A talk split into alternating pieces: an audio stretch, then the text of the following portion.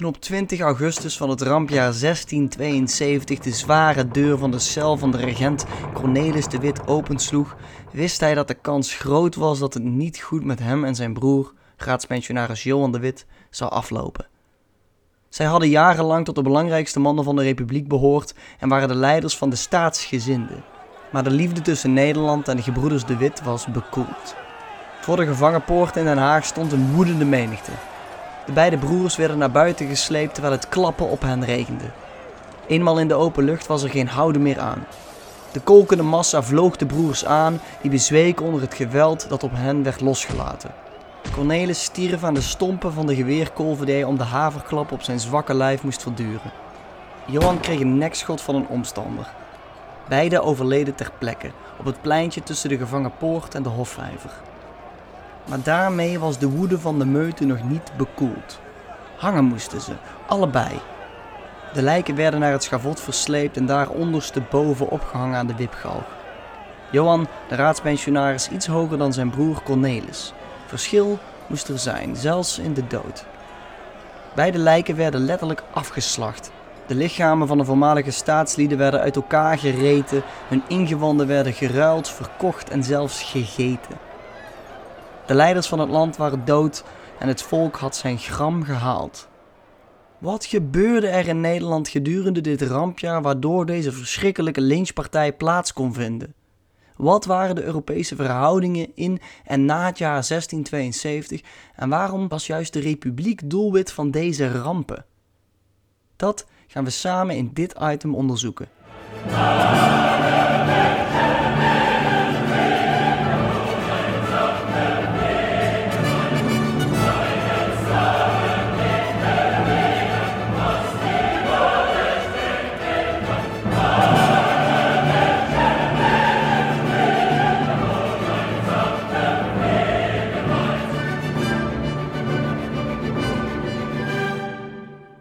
Om een goed antwoord te vinden op deze vragen moeten we zoals gewoonlijk weer even een stapje terug doen.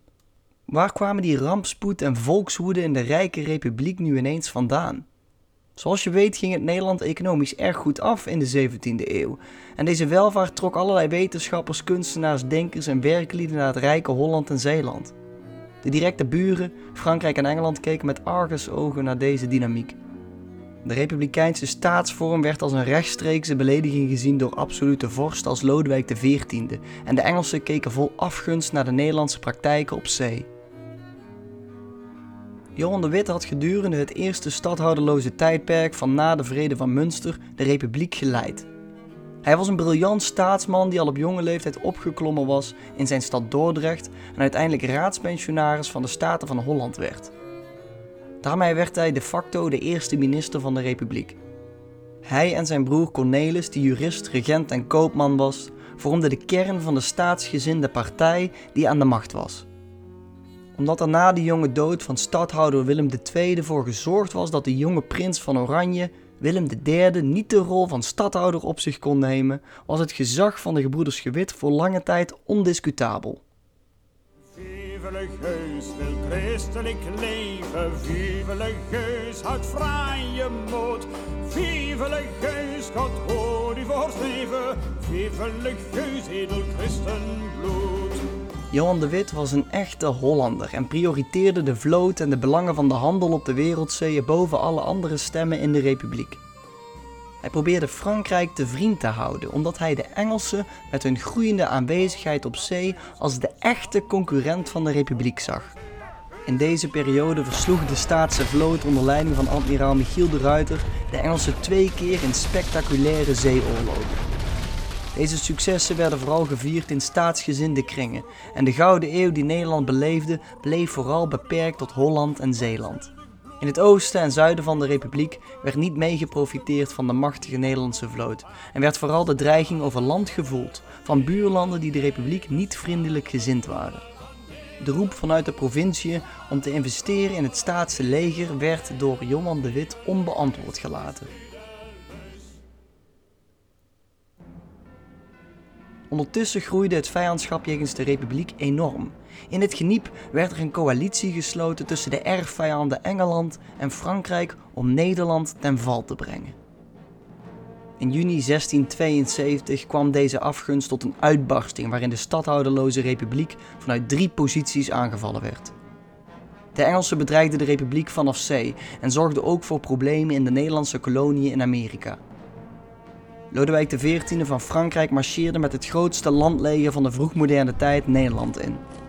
Hij probeerde aan de poorten van de republiek zijn koninkrijk te voorzien van extra grondgebied en natuurlijke grenzen, in dit geval de rivier de Rijn. In het oosten trokken twee Duitse bisdommen, Keulen en Münster, op tegen de republiek. De dreiging kwam van alle kanten en het is daarom ook niet gek dat men zei dat de regenten radeloos waren, de boze bevolking redeloos en de republiek reddeloos. In het kanaal bulderden de Engelse kanonnen onheilspellend in hun verrassingsaanvallen op de Nederlandse koopvaardijschepen en vissersboten. Er werd besloten de staatse oorlogsvloot uit te laten varen en de Engelsen aan te vallen voor de Fransen zich bij hen konden voegen. De ruiter kwam echter te laat om dit te voorkomen, waardoor de Nederlanders nu in scheeptonnage en vuurkracht ver in de minderheid waren. Toch werd er aangevallen. Deze moedige beslissing leidde tot een van de meest gedenkwaardige slagen uit de Engelse oorlogen. Op 6 juni onder de oostkust van Engeland. Daar behaalde de ruiter een nijpende overwinning.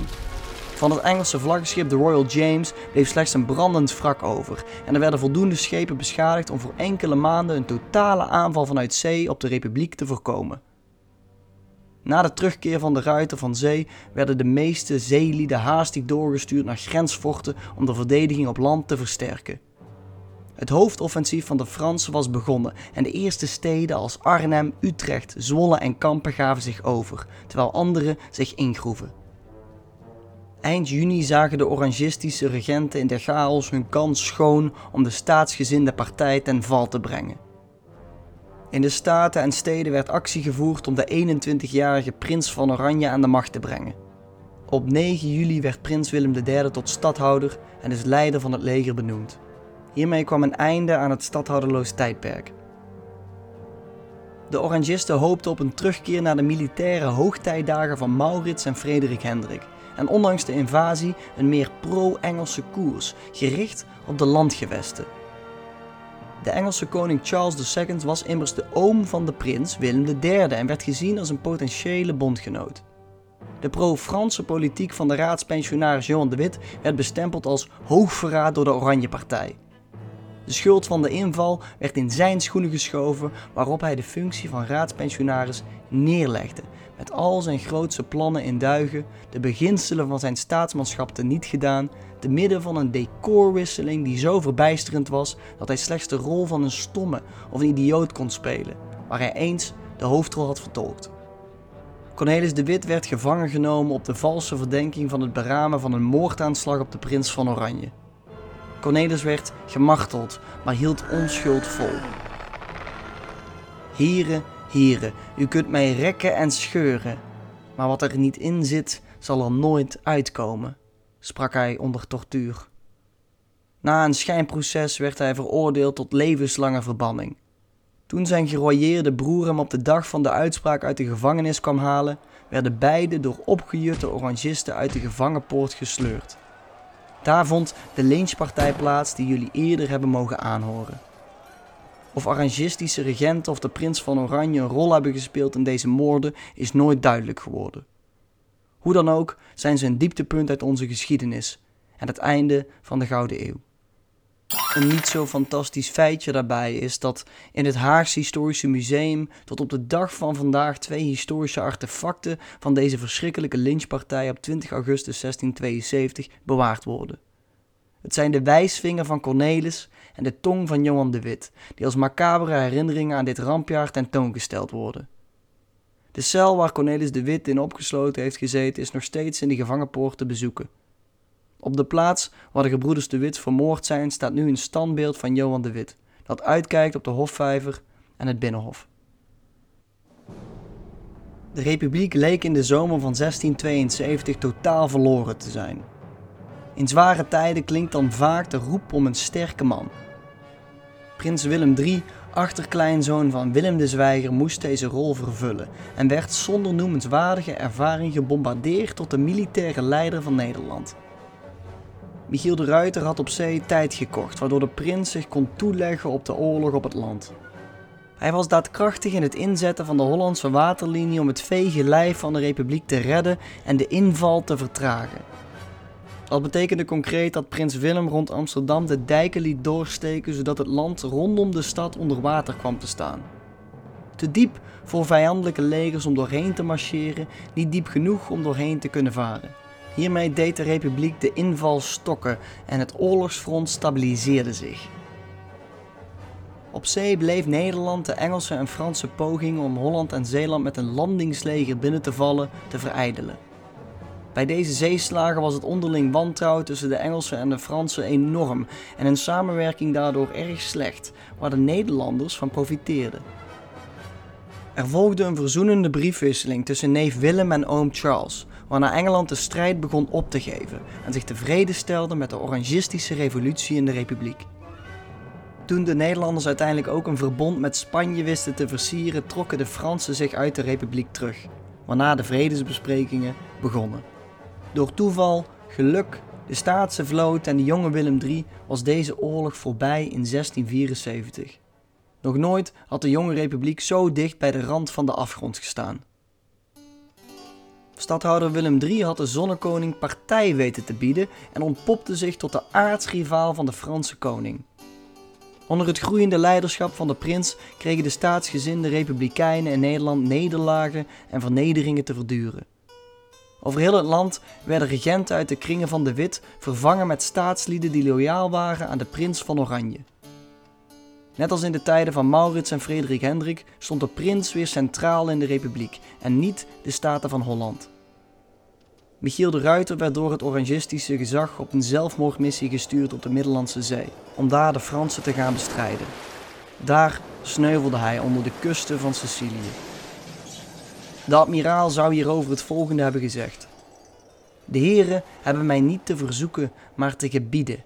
En al wiert mij bevolen slans vlag op een enkel schip te voeren, ik zou daarmee te zee gaan. En daar de heren staten hun vlag betrouwen, zal ik mijn leven wagen. De term rampjaar 1672 suggereert het einde van de Gouden Eeuw en op veel vlakken zou je dat inderdaad kunnen stellen.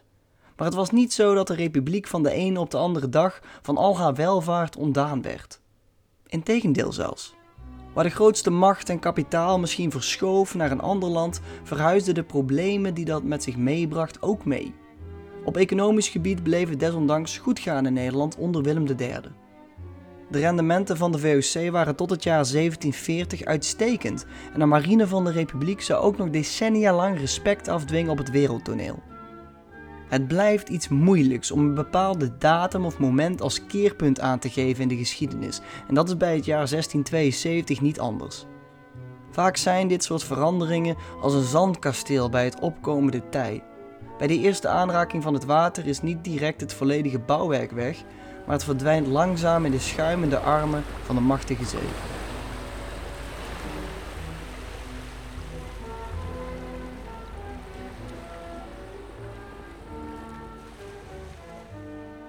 Waar de economie, wetenschap en de politiek-militaire macht nog een tijdje op niveau bleven, was Nederland niet langer het kunstzinnige middelpunt van de wereld. Grootheden als Rembrandt en Vermeer waren overleden en jonge kunstenaars richtten zich op nieuwe methodes en stijlen uit het buitenland, waarmee de republiek haar rol ziet veranderen van leidend naar volgend. Ook de elite in de republiek gaat zich na 1672 anders gedragen. Zij verworden van burgerlijke ondernemers tot rentenierende oligarchen. Geld lieten ze net zo lief in het buitenland rollen als in de republiek, zolang het maar rentenierde. Ook volgden zij net als de kunst de mode uit het buitenland en gaan ze zich kleden naar Frans voorbeeld uit het Hof van Versailles. De verhoudingen in Europa waren daarmee voorgoed veranderd en de republiek zou zich moeten gaan schikken in haar rol als mogendheid van de tweede rang. Toch zou Nederland eind 17e eeuw ook na 1672 nog een keer een hoofdrol vervullen op het internationale toneel. In Engeland had in 1688 een nieuwe vorst plaatsgenomen op de troon, de jongere broer van Charles II, James II. James sympathiseerde met het katholicisme in plaats van de Anglikaanse kerk, tot grote ergernis van het Engelse parlement dat protestants was. Het parlement ging daarom in het geheim op zoek naar een protestantse edelman die de positie van James kon overnemen. Hun oog viel op de familie van het Engelse koningshuis aan de andere kant van het kanaal. Daar is hij weer, prins Willem III van Oranje, stadhouder van de Republiek der Nederlanden. Willem was getrouwd met de dochter van de onthoofde koning Charles I en had dus een directe lijn met de Engelse troon. Het Engelse parlement vroeg hem om samen met zijn vrouw Mary Stuart een leger te verzamelen en James van de troon te verwijderen. De leider van de protestantse samenzwering schreef de prins: Ik ben het aan God en aan mijn land verschuldigd om mijn eer in de handen van uw hoogheid te leggen. Prins Willem leende enorme hoeveelheden geld om een huurleger van 21.000 soldaten op de been te brengen. Met 53 oorlogsschepen en 400 transportschepen vertrok hij met grote snelheid richting Engeland. Zonder al te veel tegenstand landde het leger van Willem III in Torbay, waar hij ontdekte dat de meerderheid van de protestantse Engelse bevolking hem niet ongunstig gezind was. Integendeel. Zijn opmars verliep heel soepel en voorspoedig en na de inname van de Engelse stad Exeter viel ook de hoofdstad Londen zonder slag of stoot in handen van de stadhouder. Na het verjagen van King James en de inauguratie door het parlement zou Willem zich vanaf 1689 ook koning van Engeland, Schotland en Ierland mogen noemen. De Glorious Revolution was een feit. Willem nam echter niet zonder voorwaarden plaats op de troon. Het parlement dwong hem de Bill of Rights te accepteren. Daarin werden de vrijheden van het parlement en het volk opgesomd en hoe de koning zich ten opzichte van hun zich moest verhouden. Deze Bill of Rights zorgde voor de basis van de huidige Britse democratie en was de moeder van een nieuwe staatsvorm. De constitutionele monarchie, waarin de vorst zich net als het volk diende te houden aan de regels van de grondwet. En daar moeten we even een burgerschapsbubbel bij maken. Deze nieuwe staatsvorm, de constitutionele monarchie, is de staatsvorm die wij vandaag de dag hebben in Nederland.